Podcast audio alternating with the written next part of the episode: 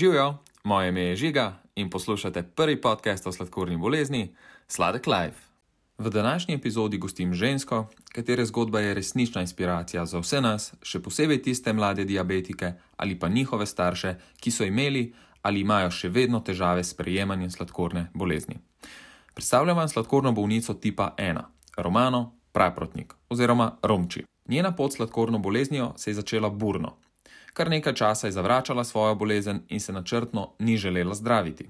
Pravi, da je bila pot dolga in da stigme do svoje bolezni ni premagala čez noč. Ravno to jo je še bolj okrepilo. Romana je že 20 let predsednica Društva diabetikov Velenje, kjer še vedno vodi številne projekte in se neumorno bori za pravice vseh, ki živimo sladkorno boleznijo. Njena poklicna pot je prav tako povezana z diabetesom, saj je postala pedikerka. Skrb diabetikov za svoje noge oziroma stopala se mi zdi izjemno pomembna. Poznamo celo izraz diabetično stopalo, ki se uporablja za opis različnih težav s stopalom, ki se lahko pojavijo pri ljudeh s sladkorno boleznijo. Te težave vključujejo okužbe, razjede in poškodbe živcev v stopalih. Pri ljudeh s sladkorno boleznijo se lahko zaradi kronično povišene ravni krvnega sladkorja poškodujejo živci in krvne žile. Poškodba živcev lahko povzroči izgubo občutka v stopalih, zaradi česar oseba morda ne čuti manjših ran ali pritiska. To povečuje tveganje za razvoj razjed in okužb. Slaba prekrvavitev, ki je posledica poškodbe krvnih žil, pa lahko upočasni celjenje ran, kar povečuje tveganje za resnejše zaplete, kot je gangrena, v tem primeru tudi amputacije. Skupaj z Romano bomo raziskali naslednje teme: stigmatizacija oziroma predsotki vrstnikov in njene družine, zavračanje zdravljenja in sprejemanja bolezni, vodenje društva diabetikov in prihodnost društev, diabetično stopalo in ostale težave sladkornih bolnikov, ter pomen pedikure za diabetike. Želim ti prijetno poslušanje. Jaz, ja. jaz zdaj od petka do danes, pa ne vem, če imam, sem dala tri rojstne dneve skozi, eh, potem eh, dva izobraževanja, eh, prej sem prišla domov, v glavnem. Ja, kaj si imela danes v Ljubljani? Kaj si imela to? Danes sem imela, danes imela eh, čist v, pač v pedikuri, pač prihajajo novi materiali, sem tja uh mhm. -huh. in sem se v bistvu učila čist z novimi, z novimi materiali delati. Eh, s temi mikro, pač podobno tako so zobne luske, delati uh, nohtne plošče, tiste, ki so pač recimo ne vem, kak mhm. šok doživele, ki si brez nohta. Predvsem je to ful aktualno za moške, recimo ne vem, pri športu, da se kaj poškoduje. Mhm. Potem prije poletje in ima tako grd utrga nohtne in bi mhm. rad imel lepo, da bi pač izgledalo tako kot naravni nohtne. No in to sem se učila. Aha, Sicer, neka luska, ja, ja, razumem. Ja, ja, pač noro, noro, pa to so čisto nove tehnologije. To, ja, včeraj, sem pa, eh, včeraj sem pa eno novo aparaturo kupila in sem se mogla iti učiti včeraj, uh -huh. uh, poleg uro pa pol stanja v vrsti na avtocesti, ko so zaprli, ampak pač le pust, pusta. No. Uh, Vmes sem pač vse maile pregledala, pa odgovorila, pa zraven enim parim skoraj narezala, ampak pač čisto pač kar pustimo. Ampak eh, ja, sem se poučila um, merjenje vitaminov in mineralov. Veš, bom to Super. imela eno tudi izmed storitev v salonu. To se mi zdi zelo pomembno. Ja, ker vsi kar nekaj jejo, vitamine, minerale, ono sem tja in mislijo, da je to to, ker mhm. še v bistvu skozi prehrano malo svetujem, veš, tudi eh, ljudi. Vrhunsko. Ja, ja. Mislim, tega, da se bo vse, vse dotaknila, meni je tako področje pedikure, Se mi dva res nismo nikoli pogovarjala, pa me ful zanima. Um, na srečo imam jaz sklep vse poštiman, ampak uh, verjamem pa, da velik ostalih diabetikov uh, nima. Ne? Ja. Ja, se to, se se mi zdi res eno pomembno področje in tudi zato v tem sem hotel pol s tabo malo govoriti. Um, ja, ampak ja, zdaj, zdaj na začetku bi se pa tako kar, kar vrnil uh, na tiste same začetke, ker zdaj si rekla, da boš okrog 40 let imela uh, že sladkorno bolezen. Uh, ja, ti mi samo reči, mi dva se zdaj pogovarjamo, pa boš ti to potem. Ali... Mi dva, dva smo že noter in bom ja že, tako da se kar, kar uh -huh. pogovarjava. Okay. Um, ja.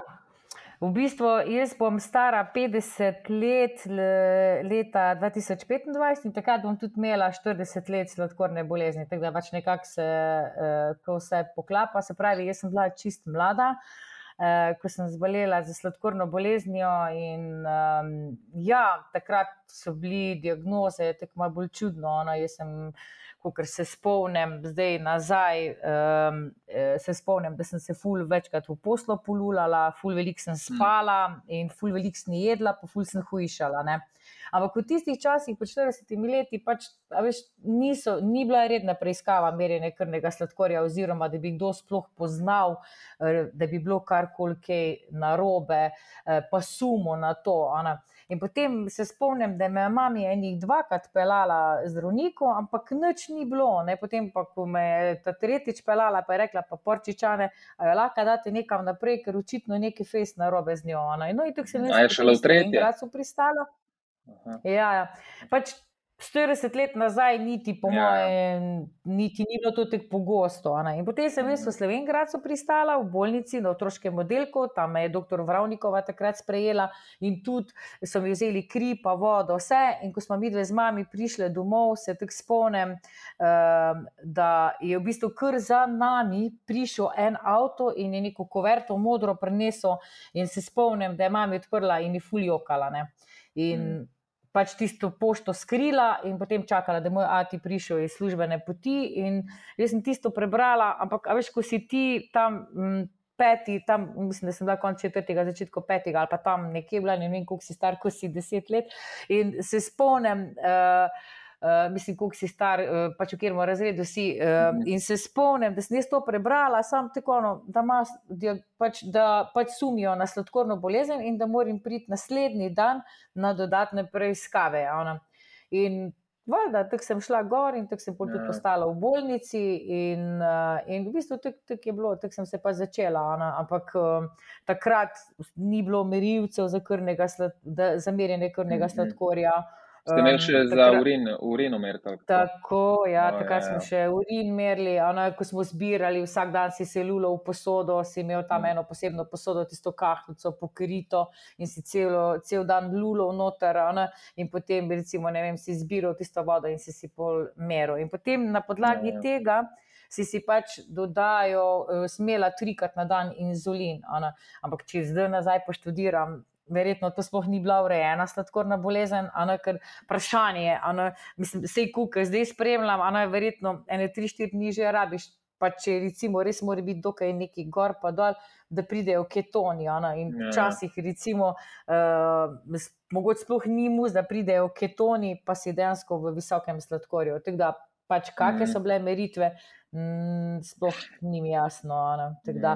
Uh, To, Tako da, ja, pač, kar nekako smo se prebili, preživeli, mm. ampak to so bila nora pubertetniška leta, nora pubertetniška leta. Zato govorim, ker sem bila nora, velika upornica in jaz mm -hmm. sem se spomnim, iz, uh, pri, mi, mi smo doma bili čista normalna družina in moj oče pač, uh, je imel uh, tudi hudo prometno nesrečo in se odločil, da ker ne bo mogel več svojega poklica upravljati, da bomo imeli doma gostilno. Ne? In je naredil gostilno in več čez počitnice sem jaz v tej gostilni delala in Romana se je odločila, da pač. Kdo so pa oni, to so starši, pa zdravniki, da bodo meni govorili, da imam jaz sladkorno bolezen. Ne, ja. jaz sem zdrava. In jaz sem se takrat odločila, da pač ne bom več inzulina dajala. In se spomnim, mm, bilo je poletje, jaz sem enkrat zvečer si skuhala en velik piskar čaja, to je tam, govorimo, tako se govejo, juha, kuha, uh -huh, velik uh -huh. piskar. Kako si bila to stara, sorry, ki te prekinjam? Ja, to, to, to sem bila pa že potem puberteta, to sem pa že bila uh, prvi letnik srednje šole. Aha.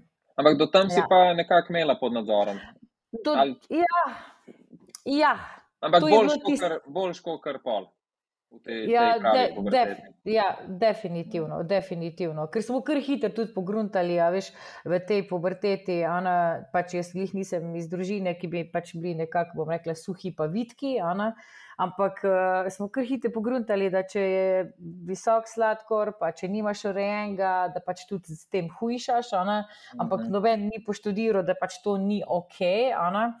Um, tako da, ja, sem ga pač tako sračkala. V glavnem, no, takrat je pa sem bila v hudi ketocedozi. Uh, uh, sem tudi uh, bila v bistvu nezavestna ona, in so me takrat pripeljali um, tudi v bolnico v Topolšico, in uh, so bile tudi halucinacije, in tudi, mm. ne vem, Takrat sem se tudi odločila, kasneje, da sem brala parapsihologijo, zato ker mhm. pač parapsihologija govori tudi o življenju on stranstva. In vse mhm. to se je meni tudi dogajalo. Dolgo nisem mogla o tem govoriti, ampak potem sem, hvala Bogu, v srednji šoli imela res noro dobro, ker sem tudi imela, eh, jaz sem hodila v komercialno šolo in sem imela, eh, sem imela psihoterapijo. Pač mhm. imeli smo tisti, ne vem, kukur je bilo treba za narediti in se spomnim, da reče profesor, imeli smo dublo ure, pa reče profesorica razlaga, ja, naslednjo uro pa pišemo. Ne.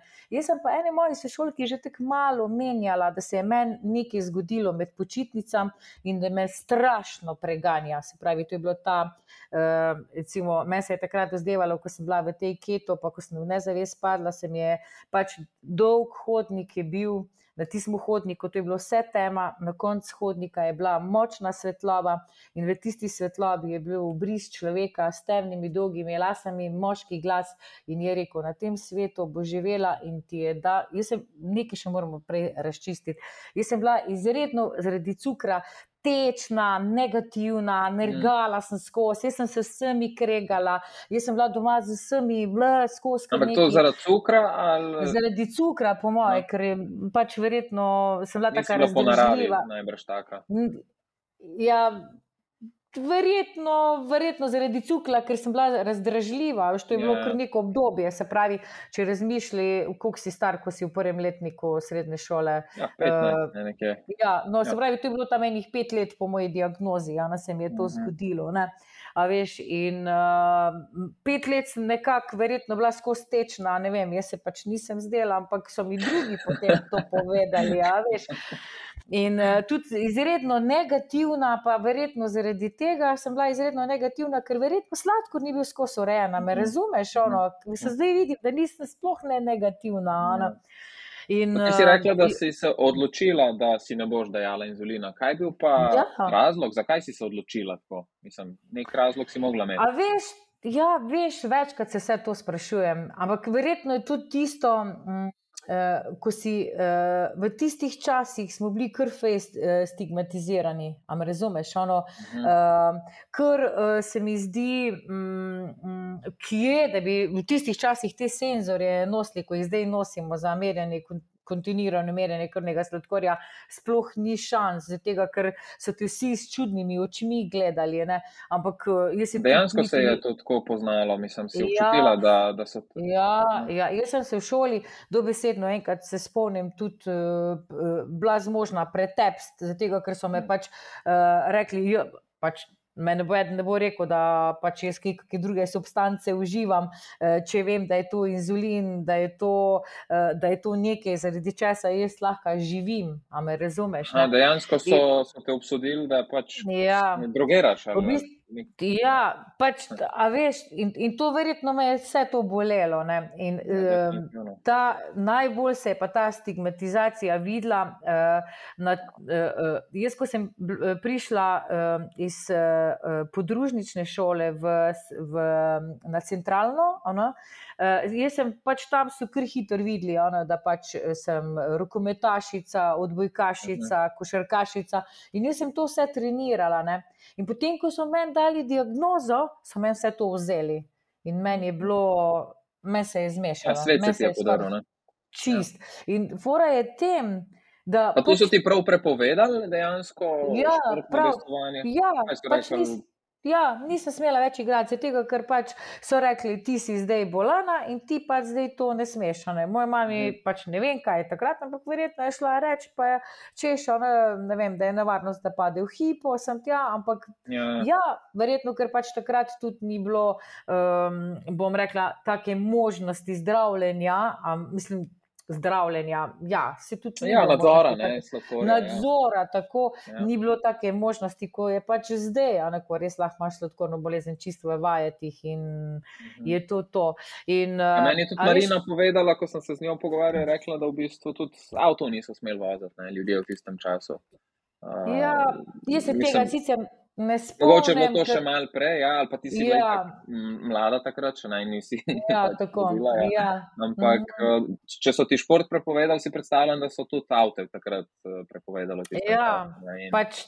To je res stigma, naj... kar si rekla. Ja. Ja, to, to, to mi je ena največja kazen bila. In potem sem se začela, začela zapirati v sebe. In potem uh, vse, kar je bilo, um, uh, recimo na pamet, rečemo, če so doma kakšni bomboni ali pa keksi izginili, sem bila vedno jaz kriva. Sem, jaz sem bila takrat otrok, no, sestra bila sicer še mlajša od mene, ampak jaz sem bila takrat otrok no, in zavedno sem bila vse jaz kriva. In karkoli je bilo, sem bila jaz kriva. Pa sem bila jaz ali pa nisem bila jaz kriva. Ker tako sem čutila, kot da so jezni na mene, da sem pač zbolela za sladkorno boleznijo. No, tudi jaz... starši ali kako? Ja, ja, a veš, in tudi tako kot družina, veš pač. Ne vem, ali sem mogoče sama sem se tako počutila, mhm. -huh. ampak skozi in tako sem se začela pač zapirati. Jaz sem bila tudi izredno, jaz sem bila stara 18 let, ko sem potem tudi zanosla in 19, ko sem rodila in jaz sem se odselila uh -huh. v mhm. doma, ampak mhm. nisem se našla, jaz sem se skozi ja, lovila. Ja. In jaz sem se skozi, skozi iskala v bistvu vsem tem, ampak pač nisem si znala pomagati, no, nisem takrat, niti ni bilo takih možnosti, um, uh, da bi si lahko pomoč najdel. Uh mhm, -huh, in uh, vse to, kar pravim, da sem se iskala, pa uh, da sem vse to spoznala, to sem v bistvu še, šele pred kratkim um, se mi je začelo malo bolj tako odpirati, ker sem imela pa uh, hudo prometno nesrečo in mhm. takrat so se mi pač neke stvari, bom rekla, spet. Um, Pač pojavljajo za tega, ker pač ne vejo, kako sem lahko počude že sploh preživela.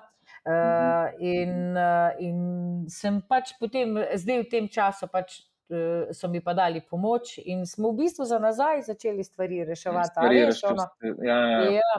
In so se mhm. odpirale, in se še kar odpirajo. Ja, ja. Sem v bistvu zdaj hvaležna, da se lahko o tem pogovarjam, ker včasih je bilo to grozno. Jaz sploh nisem mogla o tem pogovarjati. In tam ja, prej, ja. če se spomniš, ko sem ti razlagala, uh, kdo mi je najbolj v mladosti pomagal, uh, ko sem bila v srednji šoli, jaz sem to kar se je z mano zgodilo takrat, ko sem imela tisto hudo ketocedozo, da sem bila v nezavesti, da sem pač v bolnici, da so mi, ne vem, mhm. eh, dobesedno kri mi ni tekla, ker mi je kristalizirala, razumeš, ono tako visok je bil krvni sladkor. In, eh, Moja zdravnica so pač iz dopusta šli iskati, da je pač prišla, ker moji starši noben drug ni velal, ko samo pač ta, verjetno bi kdo drug tudi, ampak takrat je bilo tako narejeno. No, v glavnem, in uh, jaz sem te moj... Prosti, ja. ampak imam eno vprašanje, mi ne gre iz glave. Um, torej, rekla si, da starši te tudi na nek način niso podpirali, so malo drugače gledali na te, so mislili, da si zdaj ti drugačna, oziroma da si kriva, da si dobila to bolezen. Ja. Um, ja. Kaj misliš? Um, Kaj je bil pa njihov razlog, oziroma jaz bi tako pomislil, kaj pa če je bil samo nek hud strah, oziroma da, da niso ja. znali ti pomagati, pa ja, so se ja. zaprli na tak način in, in ja. je pač njih ja. obratno ja. izpadlo. Kar... Ja, vse jaz, jaz isto, veš. Sej, Nikoli, pač ne, ne vem, uh, skozi to prečiščuješ, pa se sprašuješ, uh, kaj je prav, pa kaj ni prav, pa kaj bi moglo biti. Le ne veš. Pač ja, ja. moglo ja. je verjetno tek biti. Jaz sam vem, da iz vsega tega sem jaz pač postala nenormalno močna oseba in jaz sem postala uh, res ona, ta prava, um, um, ona, veš, ko, ko se znam boriti, ko sem zmožna iti čez vse prepreke, kar je, kar je pač sploh možno. No, se pravi, jaz sem to mhm. dala življenju skozi, da lej. In očitno pač je to naredilo še bolj močnega, eh, in tudi zdaj, eh, bolj ko je nekaj hudega, težkega, eh, bolj groznega, bolj bom rekla, našpananga, bolj dobra sem, ker očitno le, lahko v taki situaciji noro dobro funkcioniram. In zdaj, če bi videl tole moj desk, je pravi mest, v glavnem vsema. In jaz sem res, včasih rečemo, no, ošita, sem res multitasking, ja, pač sem. Ne. Ja, mislim, definitivno te, bom rekel, teže izkušnje naredijo boljšega, boljšega človeka. Um, to je tak življenjski cikl, drugače ne gre. In ja. um, nekje se mora pokazati. Ne? Zdaj, ko imaš toliko pozitivne energije, pa le kako poveš, v bistvu, sploh ti ne rabim vprašanja postaviti, pa si mi odgovorila na milijon vprašanj, ki sem jih ja. postavil. In, in pač to te je, te je moglo nekako zaznamovati in, in ja, izboljšati. Ja, ja, se, kako ja. se dela diamant, pač s pritiskom. Tako da. Ja, rečemo. Rečemo, ja, ja. Ja. Um, ampak, ja, da mi povej potem, ok, zdaj si opisala to, um, to svojo neko, neko stisko, ki si v puberteti doživljala. Ampak še eno vprašanje sem imel, ko si govorila, da so te ljudje stigmatizirali. Torej, uh, so bili to predvsem starejši ali dejansko tudi tvoji sovrstniki? Ali samo sovrstniki? No? Ker prej si omenila starši, ki načeloma so starejši, pa bi mogoče lahko na to drugače gledali. Predstavljal ja. bi si mlajši, so to spet malo drugačne, gledali na to. Ampak iz katerih strani se je to pojavljalo? A veš, recimo, če bi me to takrat vprašal, ti ne bi znala povedati. Zdaj, ko pač bom rekla, vse te stvari prečiščujem, meni se izredno pomembno zdi, da en, ko pač zboli za sladkorno boleznijo, predvsem bom da je rekla mlajši, bi mogel nujno imeti eh, psiho, eh, eh, psihološko. Ja, mhm. sto procentno, uh, zaradi tega, ker se pojavijo vprašanja, eh, se pojavi jeza, se pojavi bes, se pojavi. Uh, jaz še zdaj občutim, vse prav naredim, sladko mhm. se mi dvigne, in potem, uh, uh, in potem sem jezna, zakaj, če sem vse prav naredila, zakaj se mi je sladko dvignilo. Se pravi, konstantno, a veš, in konstantno uh, se mi zdi. Da to pač v začetkih nisem to poštimala in ker v začetku nisem imela ene take pomoči, uh, verjetno, uh, verjetno se mi zdaj pač še to vedno pojavlja. Ne. Je veliko bolj, seveda, se ne učitam več, se ne moramo biti vedno v stoprocentnih ukvirjih, pač mhm, mhm. je nekako neko odstopanje. Ne. Ampak um, ja, uh, sem pa bolj tako opazila, uh, kar me je tudi razjezilo. Meni je tudi to stigmatizirano uh, dejanje se zdelo. Recimo, starejši, ne, recimo, moja babi je to zelo dobro znala. Ja, naša romana ima pa sladkorno bolezen no je tako hudo bolana, me se je mhm. pipnal.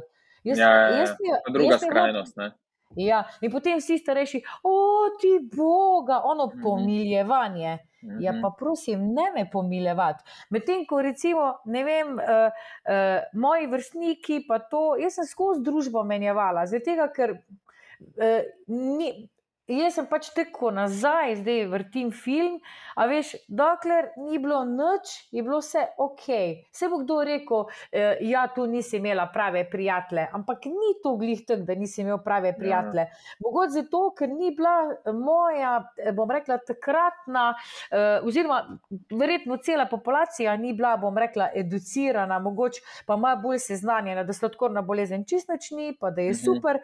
In jaz se zdaj v tem trenutku se fulno rada z enim parimi ljudmi družim, uh, ker so zelo dobro seznanjeni v sladkorni bolezni. In tudi uh mhm. -huh. lahko rečem, da takrat se nenormalno varno počutim in tudi moj sladkor je perfekten takrat. Uh mhm. -huh. Jaz nimam nobenih težav, ker točno vem, da karkoli se bo zgodilo, bo odlično. Ja, Eden mi bo znal pomagati. Ampak takrat uh, se pa, uh, a veš, dokler ni bilo, so ja okay, so bili z mano. Ko se je pa recimo neka situacija zgodila, uh, recimo jaz hvala Bogu, imela kar hiter, v redu simptome, bom rekla hipe, da se mi je mhm. pokazalo, da sem vedela, kaj pa tisti, ki recimo ne čutijo, a veš, ja, ja. ja, nimajo neki takih simptomov. In, in potem, ne vem.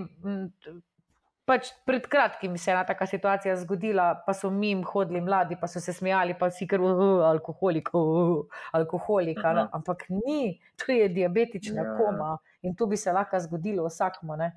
Ja, mislim, še dan, dan danes se mi zdi, da ljudje niso izobraženi v taki meri, kot bi lahko bili. Um, da je tukaj ja. res še veliko, veliko prostora. No, za, predvsem, ja. ok, tip ena bo že avtomatsko primoran se naučiti uh, ogromno uh mhm. -huh. pač v svoje sladkorne bolezni, če ne enostavno ja. ne bo preživel celo lahko. Ja, uh, tip dvojka se mi zdi pa še, še res ena taka črna luknja, no, ki manjka na tem področju. Um, ogromno. ogromno. Pol, pol, recimo, najbrž jih sploh odkritih. In, in, in da bi že to ja, dosegli, ja. da bi sami pri sebi zaznali, da imajo sploh sladkorno bolezen, tipa dva, ja, bi bilo veliko. Um, potem ja. druga polovica je, bi se lahko dejansko odpravila preventivno, preden bi sploh prišlo do nekih zdravil, bi lahko ja. sami na sebe ogromno naredili. Ampak, yeah. Ja. se pravi, no, kaj je šele včasih, no, ki si primerjala. Ja. isto je bilo pa, po mojem, sploh si, jaz si ne znam predstavljati. No. Um, pač, ja, gled. Ja. Ja. Potem, recimo, ja, če me imaš kaj vprašati, me vprašaj, če ne ti povedala, kje sem še potem eno stigmatizacijo, da ko smo govorili o tem, kar se meni zdi, da definitivno je. No. Uh, kar povej, uh, kar povej. Um, jaz sem ti tudi govorila, no, da sem pač uh, imela hudo nesrečo na smučanju. In, uh -huh. uh, pred 12 leti, ja, zdaj leto 23, ja, uh, 2011 sem imela uh, pač nesrečo na smučanju no, in sem imela štirikratni spiralni zlom golenico in fibolo počeno. In so mi na, v Bosni sem smučala in so mi pelali dol v, uh, v bolnico in so mi tam na živo nogo ravnali in so mi zdrobili dobili noter celo kost, in potem, ko so videli, da so.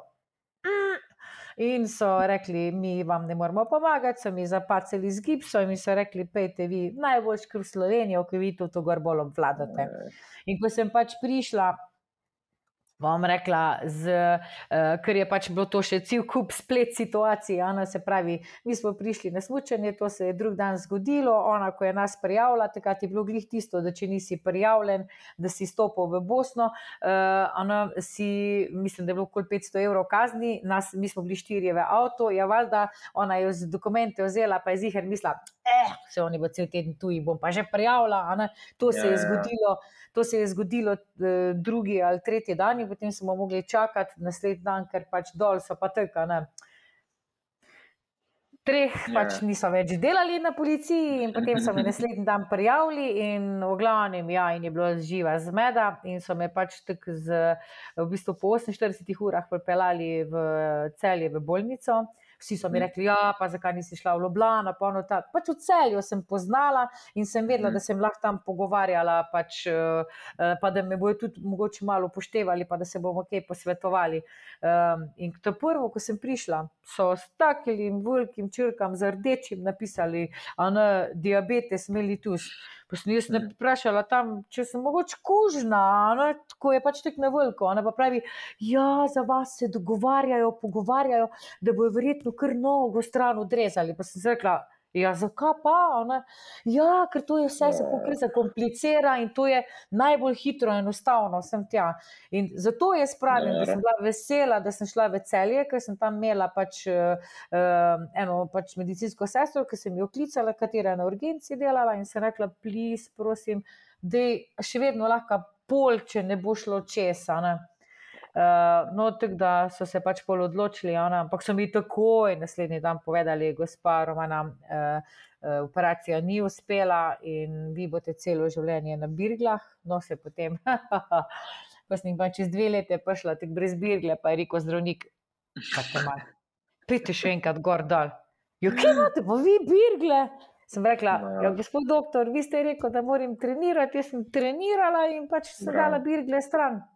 Je rekel, da je držal kuli, pa je rekel, da je odložil, pa je sestro pogledal, vidite, gospa sestra, pri takalih pa uradna medicina nima več kaj za početi. Mm. Vse sem naredila, kar je rekel, vse.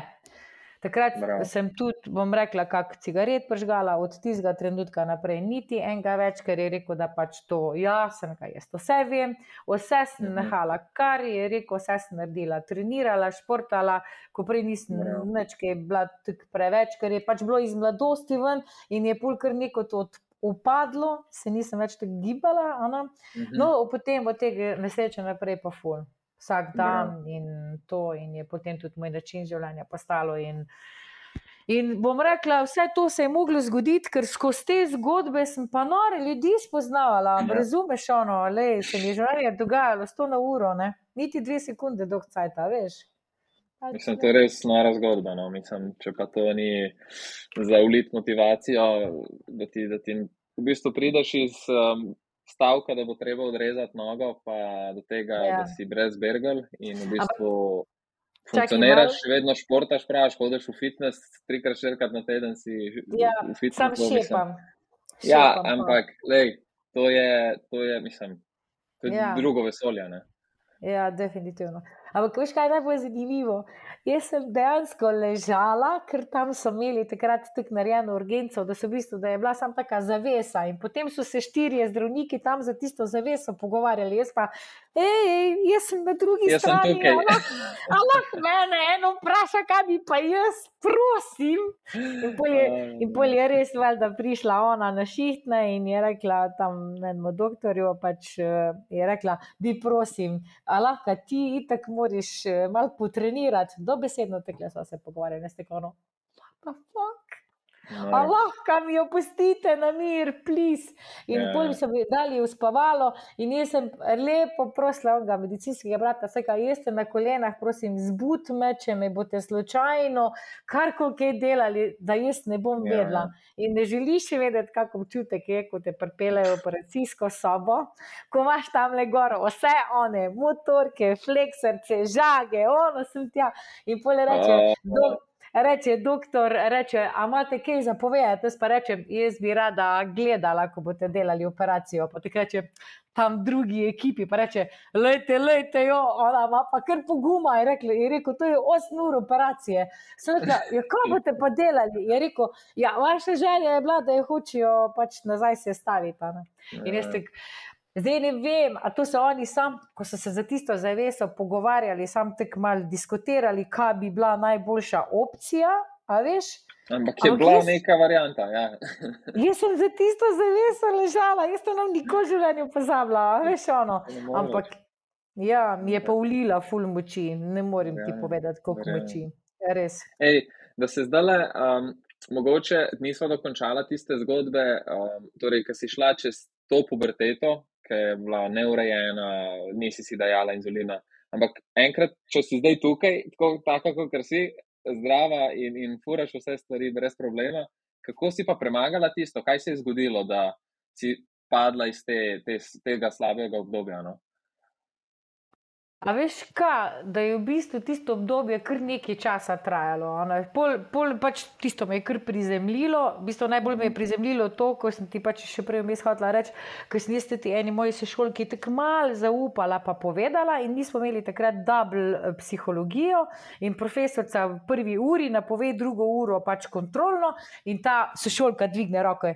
Gospa profesor, a če vam, mi smo se pa glih prej pogovarjali, a ne, parapsihologijo, pa malo malo je nam razložila vse te stvari.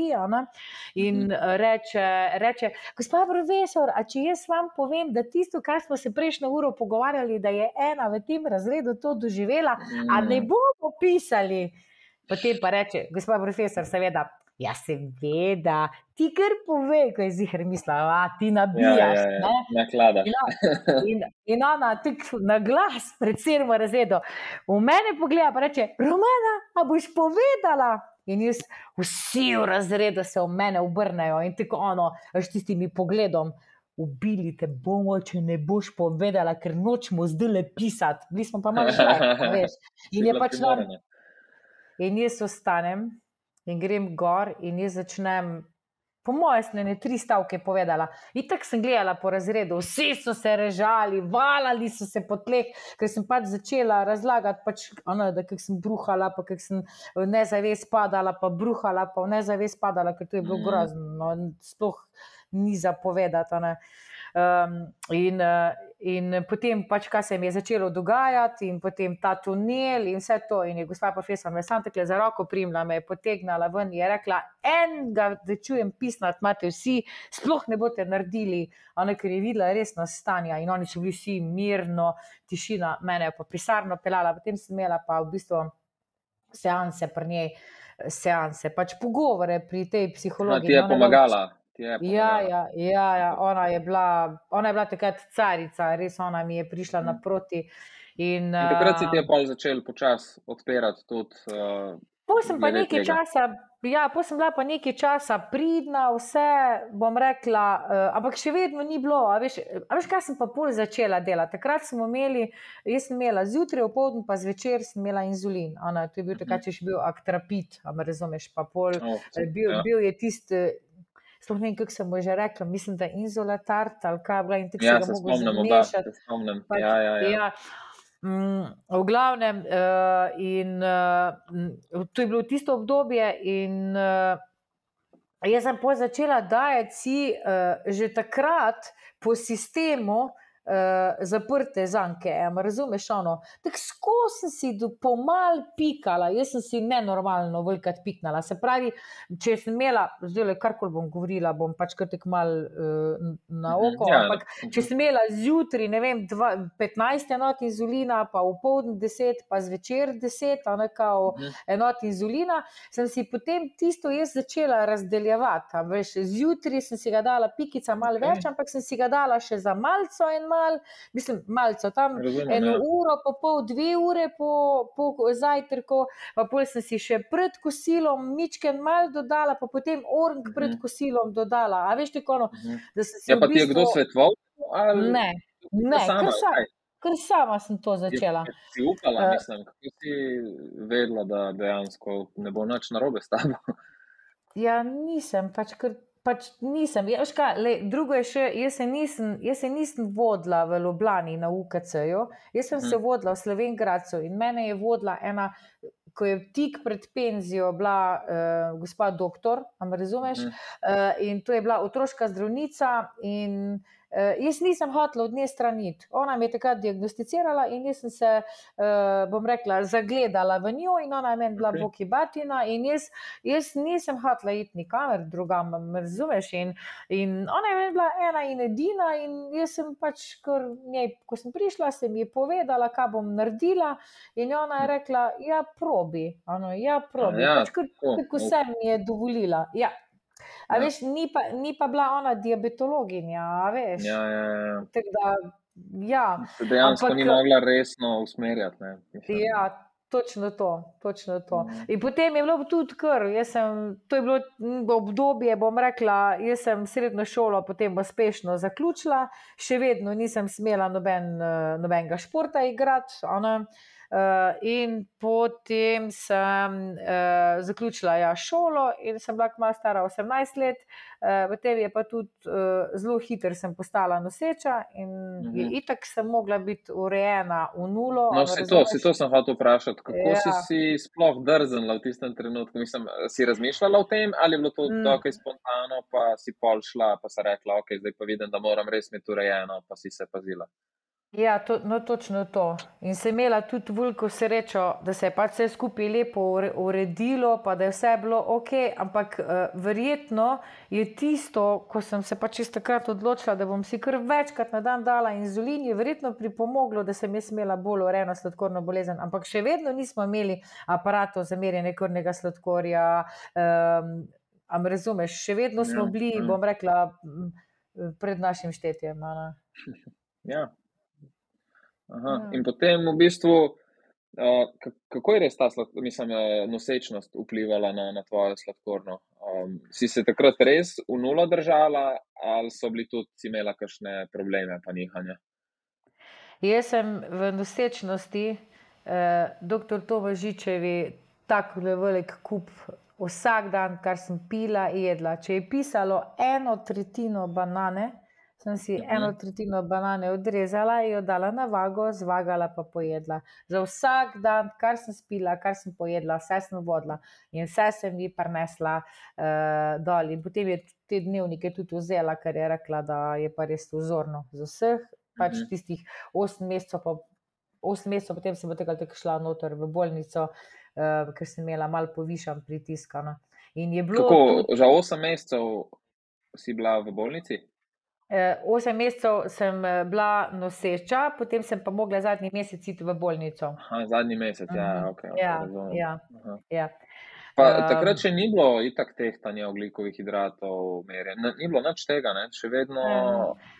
Um, v bistvu, rekla, Ja, pa dok pripravljalo se je, veš, to je bilo, eh, ni bilo tehtanja oglikovih hidratov, bilo je pa recimo, ne vem, pol banane ali pa recimo, Mhm. ne vem, če je velika banana, potem eno tretjino banane, recimo Mhm. eh, za malco, pa take stvari.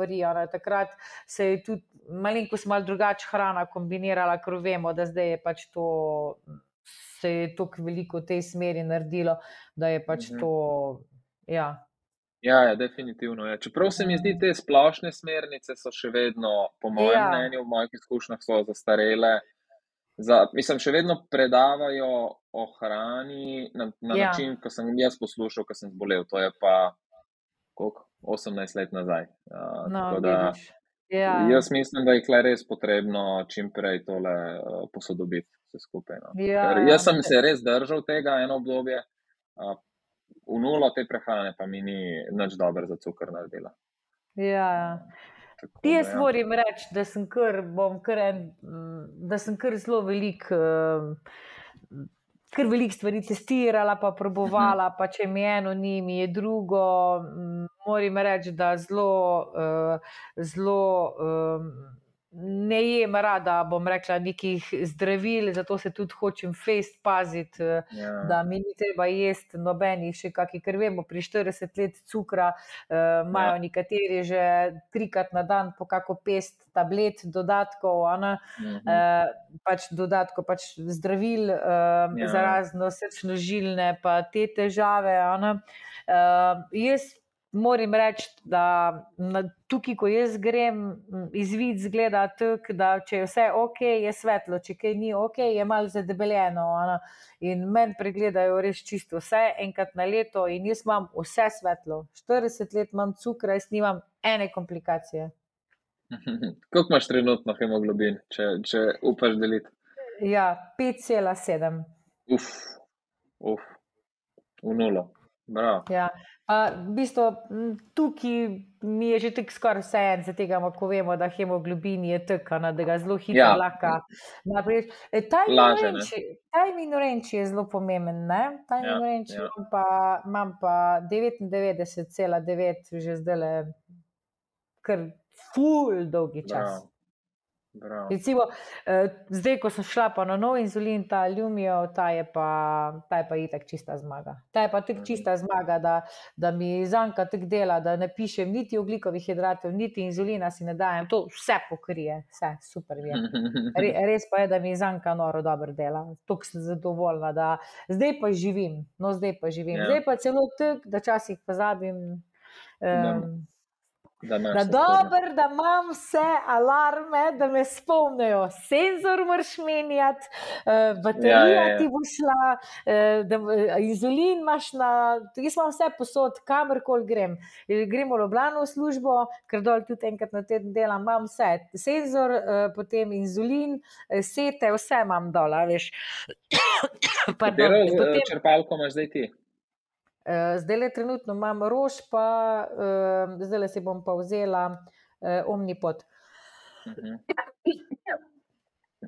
Ja, ej, dej, sem, da tisto poglavje zaključiva, da skočiva naprej, ker me še fula enih stvari zanima, ker, ker te res Ja, rad poslušam. Ja. Uh, samo, eh, če bi dala mogoče nek nasvet um, mladim, ki so v puberteti, ker ti si dala to čez, um, kako prideti iz, te, iz tega temnega obdobja, no bom rekel, ko se ti cel svet nekako uh, zamer in, in ti gre res vse na živce, misliš, da si edini, ki imaš probleme, a imaš nek, nek nasvet, no, uh, ki bi jim pomagal. S tem ne bo več. Ne bo, pač le. Vse so meni tudi govorili, ne vem, kaj ti naj rečem, ampak kdo besedno more puberteta minati. To, ki je Mhm. hudo, to, ki je Ja. hudo. Zdaj, le, ko poslušam te mlade, eh, mlade mame, ki mi, ki mi govorijo, kaj naj naredijo, ko si dobesedno inzulinske čepalke dol dajo, ko ne želijo, ampak razumeš, Mhm. ko želijo biti enaki svojim. Eh, Ja. Svojim, uh, ne želijo biti na teh cevkah, ker je pač to moteče, uh, še posebej potem, pač kasneje, ko uh, bom rekla, ko, se začne, ko začnejo fanti v moške prihajati in punce v, že Mm. mal v ženske. In je to pač le. nepojemljivo, sploh ne znam povedati, uh, kako ja, je to ja. hudo. In, uh, kaj pa vem, drugače pa. Uh, definitivno, definitivno se mi zdi, uh, da zdaj pa že res manj, da ni tako bav, bav, ta sladkorna in da že res smo toliko uh, tolik napredovali. Um, ja. Da tudi v samem našem razmišljanju se mi zdi, da uh, Čeprav karkoli jim rečeš, meni karkoli so rekli, vse to, kar so meni tudi le ja, ja, noč. Ko si v tisti kaj? coni, ne, ja. uh, res težko. Ja. Ampak, lej, če, ne, če ne drugega, definitivno imajo tebe kot en zgled, lahko pač, da se bo to ja, končalo. Ja, Mislim, ti si bila res, res v, v nekih težavah takrat. In... In, in ja. zdaj pač delaš milijon stvari, ki v bistvu takrat se, so se ti zdele najbrž čist nemogoče. In si prišla ven iz tega obdobja, in ja. bo minilo, če ne drugega. Ne? Če kdorkoli ja, posluša, ki, ki ne vidi izhoda zdaj, pa, pa misli, da je to res neka grozna stvar, um, to, to pač mine. In uh, enostavno. Ja. Ja, jaz rečem, jaz rečem sam zdaj. Uh, pa bi že takrat mogla, mogoče tako razmišljati, ampak ne vem, kaj imaš takrat v glavi. Definitivno moraš jo vzeti kot uh, sladkorno bolezen, kot svojo prijateljico in mm. moraš z roko v roki iti z njo, in uh, ne gre drugače. Ni, yeah. Ja. Sploh ni, ni druge poti, zato ker, uh, ker brez inzulina pač ne moreš živeti in boš umrl. Ja, boš umrl. Jaz sem dala res hudo, hudo, hudo uh, to situacijo čez in jaz vem, da pač ne, le noč ni bilo, krečemo slabšne. In hvala ja. Bogu, da se vse skupaj te končalo, lahko bi se pa drugače, a veš. Ja, to mi je glih Marina, ker sem se pogovarjal z njo, mi je rekla, da je mogla eni sestri, torej prišla je um, ena punčka, v, mlada punčka na pediatrično kliniko, odkrili so sladkorno bolezen in sestra je prišla z njo se učiti, da ji bo potem tudi inzulin dajala in, in hrano malo, ne veš, kaj imajo to šolo. Mhm, in mhm. sestra ni hotla inzulina dati uh, svoji sestrici v bistvu in uh, rekla, ne, ne bom. Pa pa Marina pač. Kot ona zna ne, odreagirati, je takrat rekla, da je pač rek, na način, če ne bo dala inzulina, bo umrla.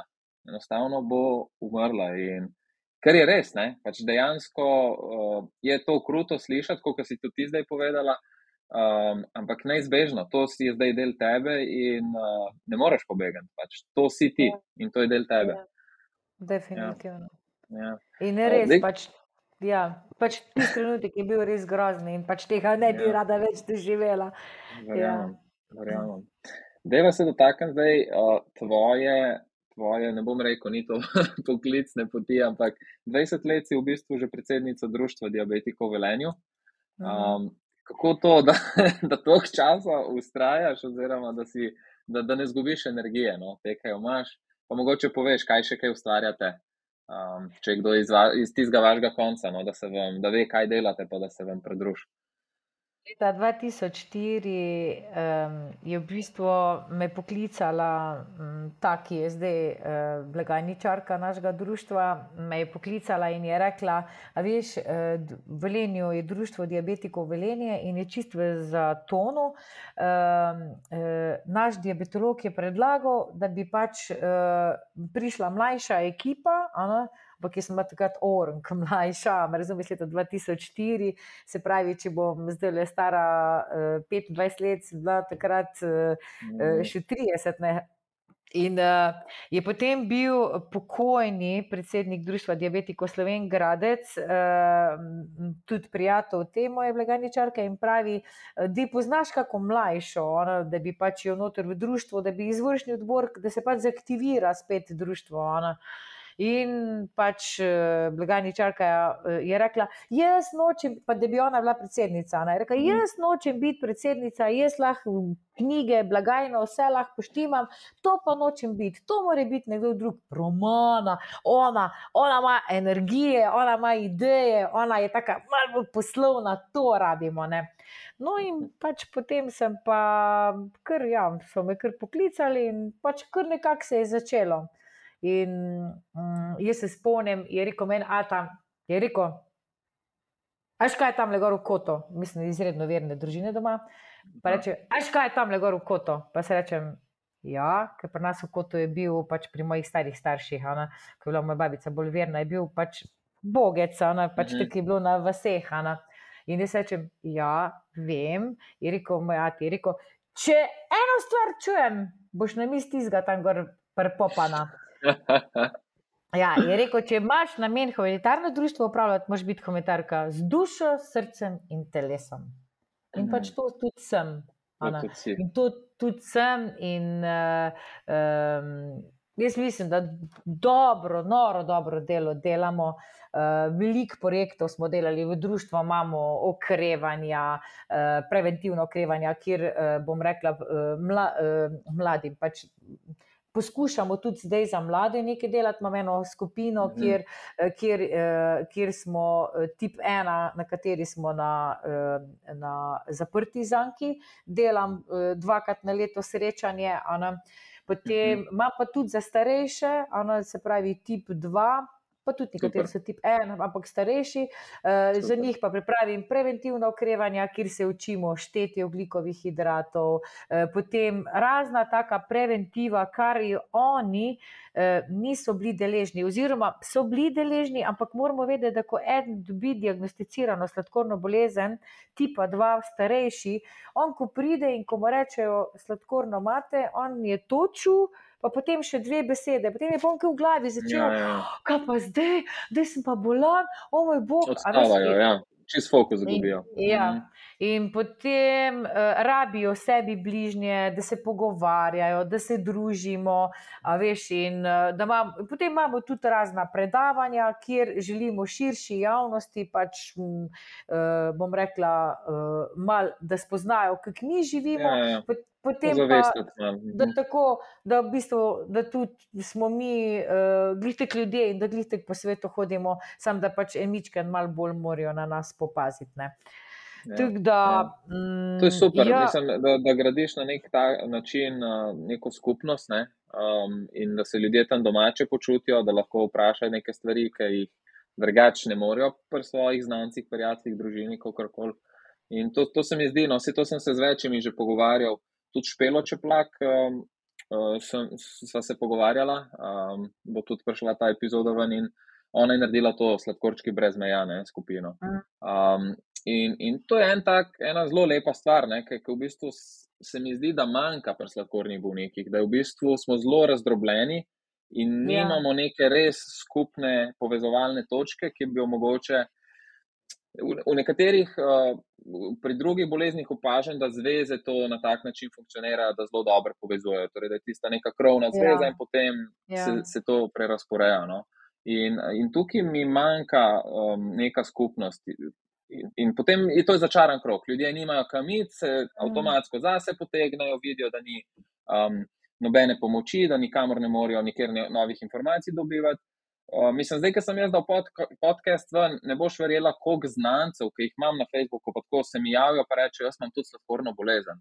Pa jaz, ko mi, da se poznava že 15 let, pa sploh nisem vedel, da, da imaš ti kaj karkoli. Ne? Mislim, na vidi, da se ja. poznava. Yeah. Ja. Recimo, en sošolci iz faksa, v bistvu se mi je javil, glih danes. In napisal sem ti, pa ena zadnja tri leta, pa jaz tako uvad, pa se zvala na faksu skupaj štiri leta, ne? jaz sploh vedel nisem. Ja, ja, ja in, in, definitivno. In manjka, ne? tako da sem res vesel, mm. no, da, da ustrajaš v tem in, in se trudiš. No? Um. Vse, a veš, pridejo trenutki, ko, ko sem čisto upala, razumeš? Ono, jaz, sem, jaz sem celo, da boš vedel, da res kako noro, rada imam to društvo. A veš, um, je kar smo prišli do nekega, bom rekla, med temi starejšimi, ko uh, se pač izpolnjuje izpoješ, nimaš več nekih idej.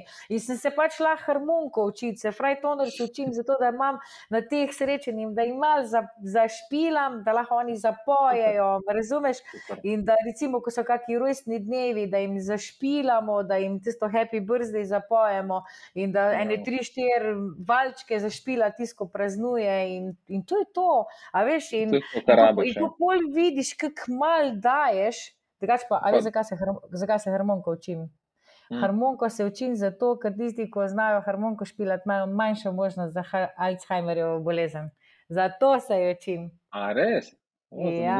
In veš, da A veš, komu gre harmonika, ful dobr. Tisko je dober matematičar, pol veš, da sem dobra matematičarka. A, to je vse povezano. ja, ja. So mi pijavi vse povedali, a veš, tega. Ja, znaš harmonika, se stravo čitke računa. Ja, ja, imam tam le na svoji desni strani, pa, ampak ja, jaz sem ful aktivna, ne želiš vedeti, kaj se še delam, to je sam nekaj izmed. V glavnem, eh, pač le, ni mi dolg čas. Ja, društvo je pa tako, veš. Um, na društvu bom rekla, je če dalj hujš postalo zato, ker pač en starejši, ki ni uh, računalniško razgledan. Ki ne obvlada te stvari, zelo težko tudi dobro vodi eno društvo, ker je treba se na razpise prijavljati, no, ja, ja. se treba poročila dajati. In, um, je dela, je dovolj dela. Ja pač kar fejst velik dela. Veš, na, na društvu, da ti tako odkrito povem, v uh, 99% pač ja. ne gre drugače. Vse ostalo imam samo to, da res, hvala Bogu, mi stojijo po tej strani, da jaz rečem, pošto je treba zapakirati, da pošto zapakirajo, ker s tem se pa res ne bom ukvarjala. Uh, pa da imam, da imam enega gospoda, ki je res uh, noro dober, uh, bom rekla, kakšne članke napiše, da mi kak dopis kaj pripravi, da ne rabim to razmišljati, da razpise sledi in da mi, in da mi skrbi, v bistvu skrbi za našo spletno stran. Mi grede mhm. so hekerji odrli v njo in sem dele že tri dni brez. Ja, ja. Ker imamo zelo, to že drugič, veš imamo očitno ja, zanimivo. Ste preveč popularni, ja. E, Mogoče da je nekaj zaupne informacije ven, pa z, neko, z nekom je rekel, je rekel, da se z nekom zelo dober, verjetno neka končnica ali ne vem, jaz se to ne zastopim, to se pa res ne zastopim in verjetno potem noter pademo. Ne. Grozino, bed nam ne, ampak ja, je tako, da se zgodi. Ja, no, glavni, na velik stvari, na velik stvari uh, uh, je treba pač poštudirati. Uh mhm. -huh. Pa da mi povej, jaz imam občutek, da ta društva če dalje bolj zamerajo. Najbrž smo taki ljudje, uh mhm. -huh. mlajša generacija prihajajo, se mi zdi tudi um, kakršna koli neka družbena dejavnost, ki ni povezana zdaj s tvojim hobijem ali pa s vem, šihtom, ki hodiš, pač vse odpade. Ne? Včasih mm. se mi zdi, mm. da smo ljudje se res um, z veseljem pridružili takim stvarem in tudi več na prostovoljstvo delali. Ampak kakšen imaš pa ti odziv? No? Uh, oziroma, kakšen je ja. občutek, kaj se dogaja zdaj? Ja. Ja, fest je v zamiranju in je to tudi žalostno. E, predvsem bom rekla, e, korona je nekaj prinesla, nekaj, da je poslabšala te stvari. Kukor smo, takoj, ko so nas odprli, smo si pač želeli e, ful družiti. E, smo imeli recimo občni zbor, eden mal bolj obiskanih, tako da je dvorana pokala po širih, ker so vsi hoteli priti pa se družiti toliko je zdaj, kar naenkrat vse zamrlo in ni več aktivnih. Predvsem opažam, uh, da zelo, veliko um, zelo velik ljudi uh, se sam sebi smilijo. Um, pač vsi si želijo udobno življenje, in zelo veliko je to pač za njih skošnjava. Um, pač raje sedijo na neki kavi, skrolajo po telefonu. Uh, recimo, pač prav danes, ko sem se pelala, uh, pač, da, smo, da sem bila prav čas doma, da smo mi dva lahko tole, tole danes naredila, uh, sem se ustavila, da se pač neki pojem in vsi v tisti hali. Pa čisti v restavraciji, vsi so bili na telefonu, vsi. Pa to je bilo družinska srečanja, ono sem tja, pa sem se rekel, ono, a je to svet nor. Svet ja. je nor. A veš, kako je. Ja. In, in to nikam, to nikam ne vodi. In, in, in sploh nimajo potrebe po druženju. Žalostno, to je, pa, to je pa slaba stvar korone. Koliko so se nekateri naučili, bom rekla, nadaljavo komunicirati, recimo smo imeli zume, pa tim se, pa a veš, vse to jim ni bilo več problema, so jim otroci pripravili ali pa vnuki toliko je zdaj to poslabšalo. Poznam ene štiri, eh, ki sploh niso vedeli, kaj je pametni telefon. Danes dan so številka ena na Facebooku, to pač veselo klikajo, pa lajkajo, pa ne vem, kaj vse. Ampak to je brezvezen čas, ki ga zabikajo tam. Na mizi bi naredili tri koge okoli jezera in bi naredili ja. za sebe nekaj, malo počvekali, videli bi tri labode, ne vem, eno mm. račko, pa tam bi enega strica srečali, ano, ko bi bil verjetno pol vesel, ko bi ga pozdravil. Ja, pač ne vem. No. Ja. Pa imaš kakšno idejo, kako, kako bi lahko tudi mlajše generacije zdaj nekako spet spravili na ta ter, da bi se začeli um, udejstovati v takih aktivnostih, oziroma bolj, da bi v društva šli. No? To, to sem imel konkretno v mislih. Jaz, ja, jaz, jaz imam zdaj, um, delam to srečanje, srečanja za um, zaprte zankarje. In, uh, in imam, vsa, januarja smo imeli prvo srečanje, pa zdaj le oktobra smo imeli že drugo srečanje. In januarja nas je bilo uh, 30, zdaj je nas bilo 50. Bravo. Super. A veš. Uh, in zdaj torej, v bistvu, bo... predvsem neke, neke sodobne teme moraš potem vključiti. Ja, tako je. Ja. Tako je. Ja. Vedno pripravim za vse, darilca, uno, le, to sem pač, to sem rak po horoskopu, to tek mora biti. Ampak, a veš, eh, neki in eni še vedno pač noč nočejo za sebe narediti. Um, vsi, ki upijajo, kak je za vse stres kriv, uh, da pač kar, ne vem, smo v stresu in da pač noč, uh, noč pa nočejo narediti za to. Ona, in pač, lej, če noč ne boš naredil, pač se ne boš nikam ja, ne mogel premakniti. Ja, ja, tako. In to je žalostno. Ja. Ja. Ampak ja, ti se pa poklicno drugače uh, ukvarjaš čist drugo stvarjo, mislim, čist drugo. Vse je potem dejansko tudi malo povezano z diabetesom. Um, ampak, da povej več o tem, no, pedikura. Ne? Uh, se pravi, prvotno sem, uh, sem jaz delala v trgovini doma, potem pa, ker smo pač imeli na vasi trgovino in je pač bilo neko obdobje, ko so začeli ti nakupovalni centri nastajati in sem jaz vedela, da slejko prej bo to šlo trgovine v zaprtje in se mhm. mogla nekaj narediti. In takrat sem se jaz prvotno začela učiti, eh, eh, da bi delala nohtke. In sama sem pa že imela težave z suho kožo na stopalo. In sem šla eni pedikerki, ki pač naj bi bila nekako sposobljena, medicinsko sposobljena pedikerka. In uh, ona mi je tukaj živo porezala, da ko sem jaz šla od nje, veš, in ko pač, ko sem začela hoditi, pa pritisk, ko je nastal, da mi je vse popokalo in mi je pač. M, dobesedno uh, kri začela teči. In potem sem ja. klicala mojega diabetologa in je on tako čez noro, ano, znoro, pač, kamen jasno, ano, da pač moram, uh, moram imeti takmo pedikerju, ki se razume. Ne? In jaz sem ji rekla dvakrat, uh, jaz sem sladkorna bolnica, pač ano, a veste, kaj delate. Ne? Ja, a sem jaz pediker, kaj ste vi mi, eni dvakrat zabrusla. In potem sem se pač odločila, da, da, ja, da pač tu niso več heci. In sem se pač šla potem učiti. Bilo je sicer dolga pot, zato ker prvo so rekli, da je kar za došč, če naredim ne vem, sam nek tečaj, potem je bila sprememba. Vmes smo mi doma trgovino zaprli. In jaz sem se pač odločila, da bi si pač privat odprla. Ona. In potem nisem mogla, in potem sem mogla šolo spremeniti. No, in tako sem šla pol naprej medicinsko, pač te uh, zdravstveno šolo. Ne, in iz tega ven mhm. sem naredila tudi MPK, poklicno kvalifikacijo. Potem, kasneje sem še naredila nekaj kozmetike, um, pač tako eno z drugim, malo moš tudi gledati, kaj pač trenutno na trgu je takrat bilo, da si delo. Ona. Um, tako da, ja. ja, potem, kasneje je pa enkrat nastalo, da v društvu mi je en predavatelj odpovedal, in um, uh, nismo imeli enega predava, predavatelja. Ne?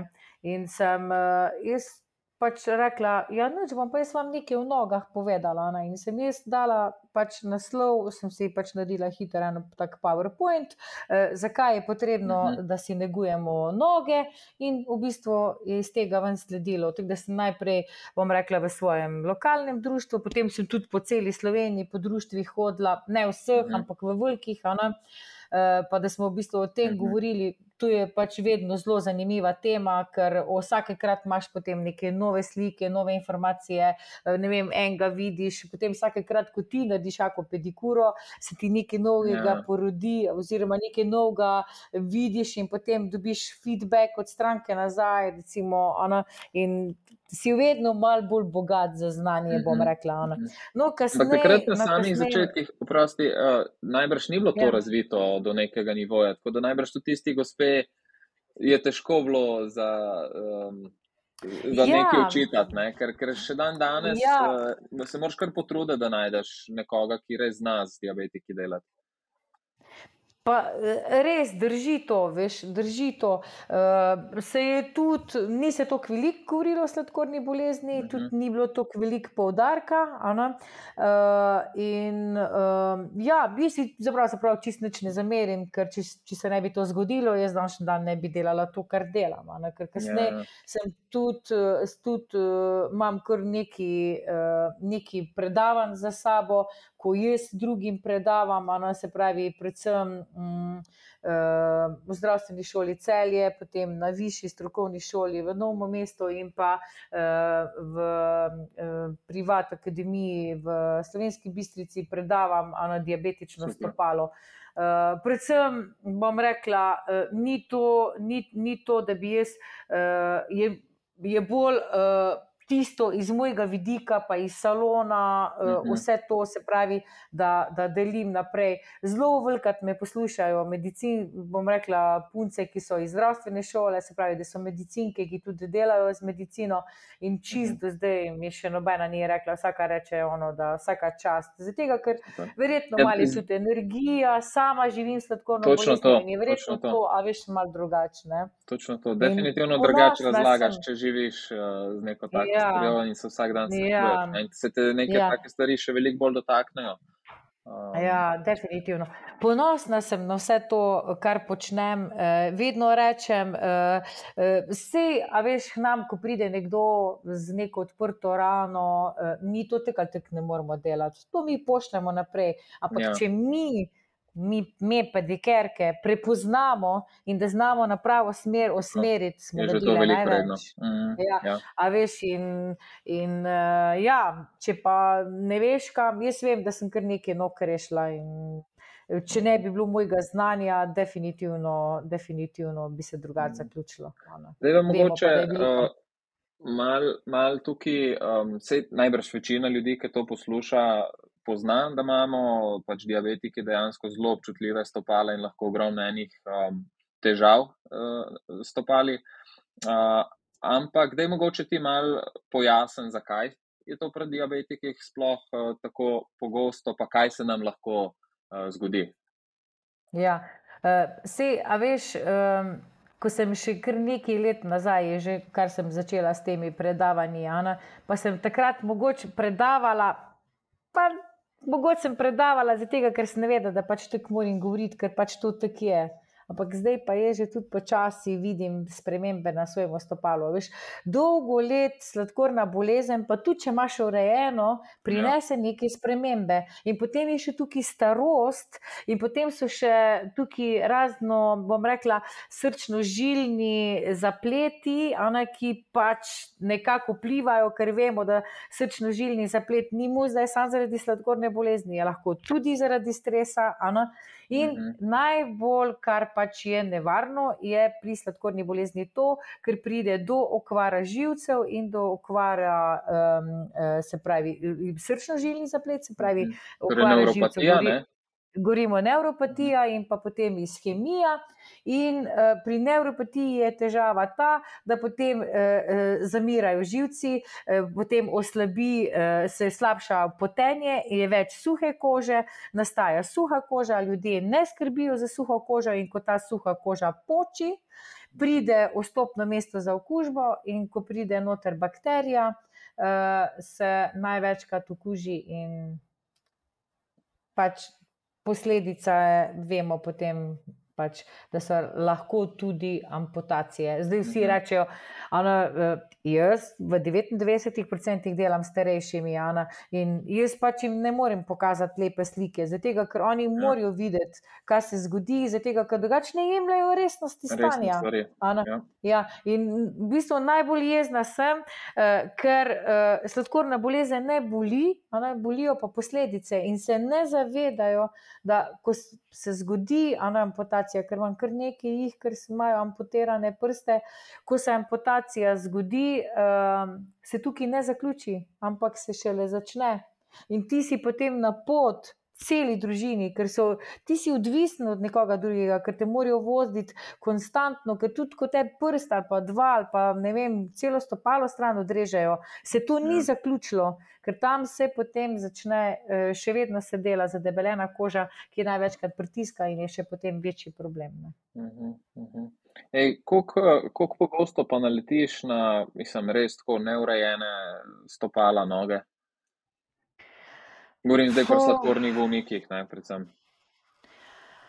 Lej, pa sem mislila že, da pač mi pri tipa ena, skoraj da že vse vejo, pa to pa sem zdaj le pred kratkim bila kar mal šokirana. Mm, sicer sem v pravi čas. Uh, Eh, še ga naprave vrate poslala, pa, da, da smo nekako rešili, pa da mu je noga obstala. Uh, pa sem že mislila, da res tipa ena, vsi vse vejo, ne? ampak mhm. očitno ne. Uh, potem zelo velik je pa tip 2, veš. Uh, uh, nekateri, nekateri se še fez branijo pri tip 2 inzulina, pa rečejo, ja, bom mhm. še kar strajal pri dieti, pa dolgotrajni, neurejen krvni sladkor vodi pač do okvar in potem ne čutijo in potem še vedno kar mislijo, da so še oni kar mladi, da so še neko mladosti živijo nosijo, in da še lahko nosijo tiste petke ženske, potem da mm. lahko moški nosijo 30-40 let stare šuhe. Ja, tudi so bili najboljši, veš, koliko sem dal za njih, pa tako fajn jih nosim. Ja, mm. oprosti, prehod vsi. Ti si ja. točno to določeno število kilometrov, moraš zamenjati čuhe. In tisti šuhi nekje nekaj otiščijo, in ko nastane, potem pač pride do težav. In mm. ker ne boli, ne čutijo, in uh, starejši niti niso gibljivi, in je potem to pač groza. Ja. E, pa pri tipu dvojki, kako se pa tam potem začenja? Mislim, se da to dosti hitro opaziti, ali ljudje, mislim, ali ljudje sami sploh ne, ne opazijo tega, ker, ker niso pač izobraženi, ali, ali dejansko se mogoče ne vidi sploh tega na stopalu, pa pač mislili, da je vse normalno, ali kako to izgleda, pač te prve spremembe. A veš, recimo, En delček iz mojega predavanja, ko, ko sem rekel, da pač sem delala, oziroma se še kar vedno delam, zakaj je potrebno negovati svoje stopala. Eden izmed tega je, da si morajo sladkorni bolniki vsak dan pregledovati noge, vsak dan. Če ne morajo sami, da mu nekdo pomaga, če ne vidijo dobro, da dajo očala gor, če, če ne morajo več noge zasukati, da dajo ogledalo in da tako pogledajo, da si vsak večer pogledajo, kaj se zgodi zgodi z njihovimi stopali. Ker če prav čas mhm. ukrepaš, se še marsikaj da narediti. Ne? Recimo, da mhm. nisi potem tako en stranka, ko je prišel men, ko so doma hišo zidali in je valjda mogo eh, vnuku ali sinu, sem že mal pozabila pomagati in je dal škorne gor in je imel plastične škorne in je na takle velik žreb vstopil. In je cel teden ti škorn ubuvo gor pa dol in je potismo žreb v hodu. In konc tedna je imel tako zatečeno nogo in potem so ugotovili, ko so imeli za vikend pi pitnik, jo, a ta kako nogo pa imaš. In so pogledali, so štum dol potegnili, lepa luknja noter in tudi zastrupljeno in vse. In valjda ni noge več. Ja. Ja, to, je, to je neka vrsta malomarnost. Ne? Mislim, to, če ja. če ja. takih stvari ne vidiš, potem je res. Ampak verjamem, da so pa kakšni simptomi tudi tako skriti, ne? da mogoče sploh uh, ne veš, da se nekaj dogaja na stopalu ker pač smo ja. lajki. Ne? Če ne hodiš Se redno, kot recimo jaz, ja. jaz hodim pač vsaj enkrat na leto, v vsakem primeru, če pa kaj hujšega, da vidim, kakšno spremembo pazem, grem pa pač takoj. Ja, ja. Ampak ja. to večinoma ne dela tega. A veš, ko je noga, bom rekla, mlada, oziroma ko še nismo tako fest starejši, uh, pa malo tudi spremljaš tip kože. Uh, pač načeloma, če lahko sam poštimaš, itak ne rabiš pedikerja, ja. razumeš. Ne? Uh, mogoče punce malo prej, zato ker si še mogoče malo da nalakiramo, ono sem tja. Uh, Medtem ko starejši bi pa že skoraj mogel kar hoditi, ne? da pač redno, ker si sam ne gleda stopala, ne? da vidi pač vsako spremembo. Uh, Eh, pa ja, pa gleda doma stopala. Kdaj bi pa gled... priporočala, recimo, na koliko časa, pa po kateri stari, starosti, pa na koliko časa bi bilo pač po tvoje potrebno obiskovati pedikarja? To je čisto čist odvisno, res se ja, pravi. Ja. Ne, nekako, če je noga lepa, rožnata, uh, pa da recimo, uh, recimo lahko si pomagamo s kosmom vate, pa da gremo po stopalo, pa po narto, pa če še vid, čutimo tiste uh, nek mhm. tak žglečkljiv občutek, potem vemo, da še živčki mal delajo. Vekolikor mhm. pa ne, ana, je pa to že potem zaskrbljujoče, se pravi, da lahko mi grede na kak oster ali pa kak del stopimo in v bistvu se lahko začnejo komplikacije. Mhm, da, mhm. Eh, leto je zelo tako, zelo težko v letih govorim. Ja. Predvsem jaz rečem, res tisto, pač si samo pregledovati. Vse govorimo o vseh boleznih, samo pregledovanju. Veš, pač moramo mhm. biti odgovorni za sebe. Ne more ja. kar biti, da, da bojo nam zdravniki vem, rekli, ok, oni bojo nam predpisali zdravilo, zdaj pa boki batina, zdaj pa lahko greš ja, ja. domov in nič ne rabi za to narediti. Ali vprosti, pač ni treba, treba skrbeti za svoje svoje zdravje uh, in vem, biti dosleden. Vse vemo, ja. da pač sladkorna bolezen ni tako, da boš ti kar, ne vem, popapal dve, tri tablete, pa nič za to naredil. Moraš kar nekaj za to narediti, če želiš, da je vse ok. Ja. Ja. Pa za me, recimo, zdaj, ok, jaz imam zdaj 18 let sladkorno. Pa ena je dovolj, da tako grem preventivno enkrat na leto. Če nimaš ti... nič, ja. Nimam, ja, ja. tako je čist, čisto. Ja. Ja. Za občutek, bi... no, da... Ja, tako, tako, da greš, pa da greš, recimo, vem, da je pač res strokovno sposobna, da vidiš. Uh, men, jaz sem pač res odkrita do strank. Mene je res tukaj srce me boli, da bi mogla ne vem, nekomu nekaj zaračunati. Če vidim, da ima ok, nohtke, vse, vem, da jih ful ja, ja. skrbi, a je vse ok, ampak uh, ja. Važno je, no, da si spremljajo, da ko neki pride, a veš, recimo, edino, kar pri nogah je tudi, recimo, pri mladih, kaj je zelo pomembno, kaj si hiter lahko naredi, pa je v bistvu ni potrebno, da si brišejo da si brišete, no, ker jaz si pa, ko pa res skrbim, med prsti. In da ko se s mm. kremami mažete, da se ne mažete med prsti. Zato, ker če se med prsti ne brišete, da se kar tako na hitro obrišemo, se, v bistvu, ko so posebej po, le, po zimi, ko smo bolj v zaprtih, ana, se v bistvu lahko med, med teh prstnih predeljih naredi mecerirana koža. In ta mecerirana koža lahko poči. In ko mhm. poči, je vstopno mesto za okužbo. In ni, ni potrebno. Uh, če, če sem prav razumel, torej mora biti zelo suho, tudi po zim, čeprav je po zimi.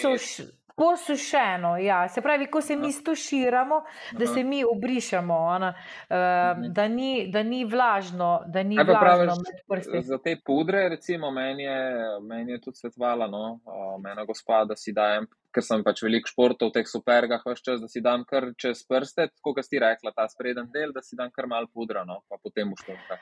A veš, zelo velike, že, ja, ja, pač pa tudi ne, no, odvisno. Ampak eh, mhm. recimo zelo velike tehnologije napredovala. Eh, s časoma zaradi eh, dolgotrajne sladkorne bolezni pride tudi, ona, tako smo rekli, do neuropatije. In pri mhm. neuropatiji pride tudi do spremembe na našem kosti. In največkrat mhm. sto, prsti.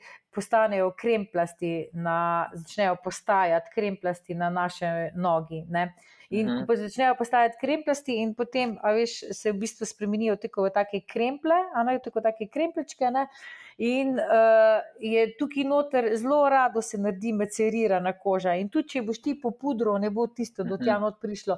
Zato je super, super zadeva. Je, mm, tole mi sicer z glavi ne gre, v salonu imam, uh, jaz dajem, to je ena taka poseben material, tako taka volna ne, in se to. Uh -huh. uh, reče se pač temu materialu, tako no, jaz imam tudi za prodajo, za domov. Um, da daš potem med te prstne prostore, in dejansko je to tak material, naravni material, uh, dejansko skrbi, uh, da se ne tiščijo prsti skupaj, da ne more to kmecerirano biti. In če se ti potiš v stopalo, da to dobesedno, da je, da je lepo suh. Mhm, ja, da je ja. lepo suh prostor. In uh, jaz tudi to dajem ostalim, ni mu zdaj samo sladkornim bolnikom, mhm. ampak recimo tisti, ki imajo hudo, velike boleče, otiščance, recimo tisti, ki imajo bolj ischemično stopalo, ne, mhm. uh, imajo tudi zelo boleče. In tisti bojo tudi sladkorni bolniki prej poiskali pomoč, kot pa tisti, ki imajo nevropatsko stopalo. Ja. Uh, in, uh, in tistim se da to umestiti, da oni lahko sploh hodijo, ker nekateri to tako boli, da sploh hoditi ne morejo, veš, ker imajo. Ker v bistvu začne že potem kost pritiskati na zunanjo stran, ker se na podplatu stanjšajo maščobne blazinice. In mhm. naše maščobne blazinice so pa tako amortizer pri avtu. Mi pa vemo, da avto po tolkem času ja. uh, rečejo, da ja, je amortizer škripa, a ga je treba zamenjati. Pač naših nog pač ne moramo. Ne? Ja. veš. Tako da, ja, veš. No, je en tak kar... trik, ki je dobro paziti. No? Da, da, če ne drugega, da so res noge med prsti. Ja, zelo suhe, da jih pogrešamo. Ja, eh, so usušene, eh, pa, eh, pa mazati jih ne smemo med prsti, ker vemo, uh mhm. -huh. da med prsti se mažemo zato, ne, spet, da se ne bi naredila mecerirana koža. Uh mhm, -huh. da, mhm. to, to so dve stvari, ki so pač res ful pomembne, ja. da bi sladkorni bolnik vedel. Ne. Kaj pa glede teh vlažilnih krem za noge, imaš le mogoče kakšno priporočilo, um, katere ja. uporabljati, ali, ali je dovolj, da samo da pač redno vsak dan namažemo? Uh, ja, spet ja, no ne, no, spet odvisno, uh. -huh. kak, tip sto, kak tip stopala je. Zdaj, a veš, uh, tudi v tej smeri je šla tehnologija, tehnologija razvoj, bom rekla, teh krem toliko naprej, da res, da res je to že cela znanost. Uh eh, -huh. Mhm, recimo, jaz mhm. sem gledal danes eno tako šolanje, zaključila in uh, je za sladkornega bolnika res kar potrebna ena specifična njega. Veš, to ni, da doma, tako so včasih one neke žalbe kuhali, ne, pa da so kar neki gor dajali, ker ja. vemo, yeah. ker vemo, veš pa reče, ker ja pa ureja, ne, ja pa z urejo mhm. uporabljati, ja pa ureja je tako, veš, da lahko tudi včasih tako, kot keterolitik deluje, ne, če je tam ureja, da eni rečejo več kot 35%, eni rečejo več kot 25%, ne, in tu je treba biti izredno pazljiv, ja. Pa. Katerolitik pa vemo, da ga sladkorni bolnik pač ne sme imeti gor, ker pač, eh, pač povzroča lahko poškodbe ana, in potem mhm, spet z, eh, posledično zapletana. Tako da tukaj kreme ni se kar tako hecati, pa kar nekaj gor dajeti, posebej, če je že noga mal, eh, mal bolj problematična. Tako da za sladkorne bolnike je specifična njega in eh, jaz vedno to skrbim, predvsem tudi. Eh, na teh raznih srečanjih jaz vedno priskrbim za dosto vzorcev, da dajo, da lahko probajo in da lahko mhm. potem mene kontaktirajo, um, zato ker jaz vedno delam samo z specialnimi, specialnimi proizvodi, ki se jih pač ne da dobiti v drogeriji, ker mhm. tu morajo mhm. res biti. In jaz, jaz tudi skrbim, da pač so to podologi razvili, podologi pa vemo, da so to uh, zdravniki, ki se ukvarjajo samo z nogami in da so oni razvili te te posebne kreme, ki pa res točno vejo, kaj pač, mm. kjer je nogam pa še. Ano, ta, mm. ja. Kaj sem se še spomnil, kaj pa recimo um, bazeni, pa ne vem, namakanje ja. predolgo v banjah. Ja, tako, tako. Eh, Lej, eh, pedikura je tudi, bom rekla, zdaj čist, bom rekla, na nekem drugem nivoju. Le sladkorni bolnik pač m, mm, se naj ne bi namakal. Dej, Zdaj, da res, preden ko naredimo pedikuro, da, da, da pregledamo stopalo in da je res čist, zdrava noga, da ni nobenih težav, da res ni nobenih ranic, kar mhm. pač. Že včasih ne moš reči, da je kaj, kaj ni, če druga ne je macerirana ja. koža, ker se med ta zadnjim prstom pač ni tri dni orenko brisal in je tukaj noter Takar mikroskopska ranica, ki pač mm. lahko naredi težavo. Ne. Zato jaz sladkornih bolnikov um, načeloma sploh ne namakam, ali pa če že potem par minut, glih tok, da se mi nohtki malo zmehčajo uh, in mhm. pa potem, uh, da potem pač upravim pedikuro, ampak načeloma ne. Ano. In mhm. tudi ne, mhm. ne uporabljam kredo, kiret, skalpelo, um, to uporabljajo pač, uh, to se lahko uporablja pri, pri, pri drugih. Poskušam yeah. Ja. pač ne, da če res, da je kako tiščanc ali pa kaj takega, pač se ja potem nekako to sanira funkcionira, ampak seveda, uh, vedno po, po, po reklo, manj je več. Ja, manj je ja. več, da, da, da ni. Drugače pa ja, na, ko se mi še rekel, potem bazeni, jaz se jih bojim. Ali pa ne vem, morja je to. to... Morje, Ja, morje je čist nekaj drugega, no bom rekla, ampak druga, bazeni, da. pa mhm. jaz se jih bojim, ko hudičke riža. Jaz mene še nisi videl v bazenu, ker jaz se pač ne kopam. Uh, jaz se jih bojim, priznam, tega, ker pač uh, ali dobim eno vnetje, to je tam na nogi, ali pa dobim, ker sem ženska, kako drugo. Mhm. Ampak to definitivno, ker vemo, da tam noter je pa leglo. leglo. Ja, ja. Da, pos, torej, dejansko svetuješ tudi uh, diabetikom. Mislim, ja, če, jaz... sej, ne moreš od, od zdaj odrezati jih od bazena, ne? ampak če ja, že da se ne namakajo noter eno uro, pa da ko pridejo najbrž, da se obrišejo čist do suho. Tak, bravo, tako, točno to, točno to. Mhm.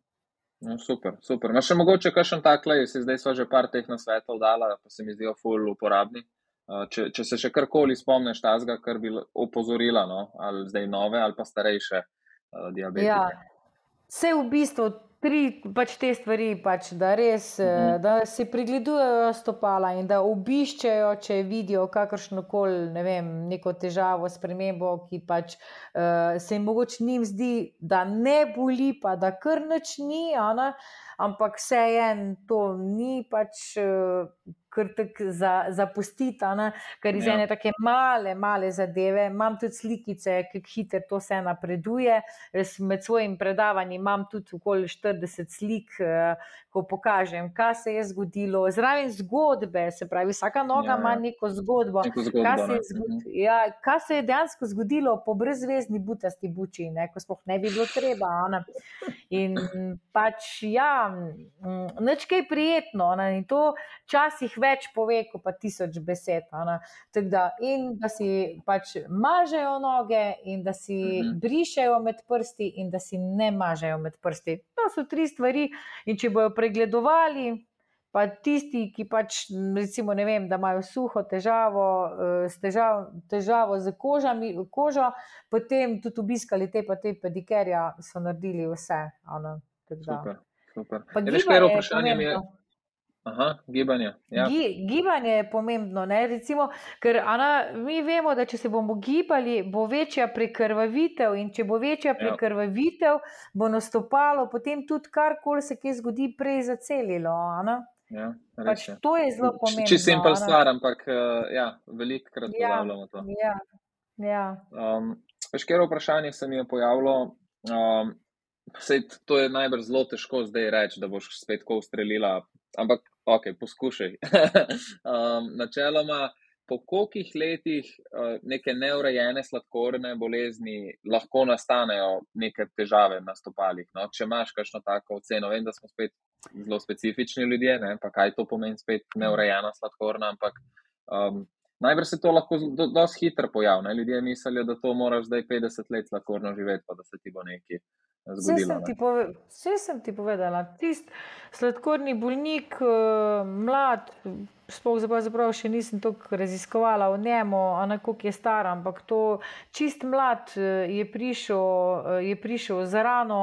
Uh, potem, uh, potem sem pa rekla, da da to ni hec in da jaz pač to mhm. rano ne morem delati, ker je pač to rana na stopalo in da mora iti zdravniku. In valjda je rekel, se me nič ne boli. Ne? Ja. Uh, Uh, in pač kar ni resno za grabo, ana, ampak je v slabih 14 dneh se morala tako uh, pač povečala, ana, da je pač uh, že bilo čist tik pred osteomelitisom, in tako je potem dobil ana, antibiotike, pa polimemo blogo, sem mu svetovala, naj si jo gorda, da naredi razbremenitev ana, te rane. Uh -huh. uh, in uh, je bil pač presenečen, ana, ampak to je mlad sladkorni bolnik, veš, ja. to vladi. Ali niti ni nujno, v bistvu, da imaš, doskrat se zgodi, da, ni, mislim, da imajo ti ljudje urejeno sladkorno bolezen, ampak se neka taka stvar naredi, ki se v bistvu lahko čisto vsakmo sem. Pri sladkornih bolnikih se to potencira, ne? te stvari so ja, šestkrat bolj nevarne, kot kar ja. Točno tako. Ja. Še, bolj še bolj nevarno pa je, če pač nimaš urejene sladkorne bolezni. Ja, ja, ja, pač, lahko je to neko kratko obdobje, ana, pač le. Ja. Mm. Moramo ja, nekaj mislim... vedeti. Pri sladkorni bolezni ni tako, da recimo eh, danes si neurejen, ja. pol jutri si pa urejen, pa se ti je pa ono vse za nazaj izbrisalo. Ja, ja, ja. Ne, ne. To se čisto vse potencira, si prej dobro ja. povedal, potencira se in, ja. in to se nič ne zbriše. In mm. meni, je, meni je rekel moj diabetolog, ne mi potem, zdaj ti ne morem pokazati, ampak tako veš, tako uh, češ ko se bom pripeljala z invalidskim vozičkom, ne mi potem jamrati, ko me zdaj ne ubogaš. Ne? ja, ja, dejansko. Pač dobro je to povedal, veš, le, ne mi pol hoditi jamrati, zdaj me posluši. Ja. Da, ja, e, ful zanimivo, ful, ful dobrih nasvetov si dala, res um, take konkretne stvari, ki mislim, da bodo ja. lahko um, ljudje to uporabili. No. Uh, Vse vem, da je kar nekaj teh predavanj, ampak do, do mrskoga pa tudi ne pridejo take informacije. Ja, se to. Neki praktični na sveti. Tako da, ful ti hvala za to, no, kar si, si delila uh, z nami. Zdaj pa, lej, ne vem, sej sva že kar dolga, da ti ne kradem nedeljskega večera. uh, si mhm. imela še prej predrto gumo, moraš zdaj še to urediti. Tako da, klasičen dan praviš. ja, čist klasično. Nečkaj ekstra. Da je eno tako zaključno misel. No? Ali pa če sem, si misliš še kaj, karkoli drugega povedati, sem te pozabil kaj vprašati, bi še rada tako delila kaj, um, če, ne pa, če ne pa imaš uh, zaključno misel. No? Mm, v bistvu bi imela dve. Ne. Recimo, moj moto že dolgo je, da noge so daleč od naše glave in da največ, največkrat na njih ljudje pozabijo. Ana, in da nosijo celo telo, in da res je treba poskrbeti za njih. Ana, to je recimo prvi. Drugi, ne, ki se mi pa zadnje čase zelo veliko, no, bom rekla, pojavlja, zato ker vidim pač, kako ljudje živijo in kako razmišljajo. Eh, da medicina je zelo fejst napredovala, res noro. In zdravniki so že v bistvu res pravi bogovi, ampak edino, kar nam ne morejo predpisati, je gibanja. In da naj pozabijo ljudje in dajo malo telefona stran, in uh, da naredijo nekaj v smeri, da bo v bistvu čim bolj dolgo lahko uh, imeli uh, res kvalitetno življenje, ker ko se pikica nekaj spremeni, um, povratka več nazaj ni. Ja, lepo si to povedala. Ej, hvala ti, Romana. Uh, zdaj pa pej gumo zamenjati, pa s čim prej spati. ok, izmenjeno. Le se slišimo, hvala, da, da, da smo lahko malo poklepetali. Upam, da smo lahko kjer mu kaj odprli oči. E, seveda se lahko vsak na mene obrne z veseljem, e, sam naj me polovi in to je to. Vse sem na vseh socialnih omrežjih aktivna.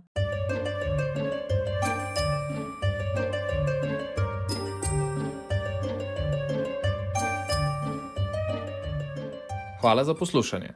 Če so ti teme, kot je sladkorna bolezen in zdravo ter dobro življenje všeč, te vabim, da spremljaš tudi moje ostale kanale, kot so Facebook, Instagram, TikTok in YouTube. Tam delim še več znanja in zanimivosti, ki sem jih pridobil v več kot 18 letih življenja z diabetesom tipa 1. Ta podcast lahko tudi oceniš ali podaš svoje mnenje. Tako bomo lažje širili znanje in dobre prakse med ostale sladkorčke.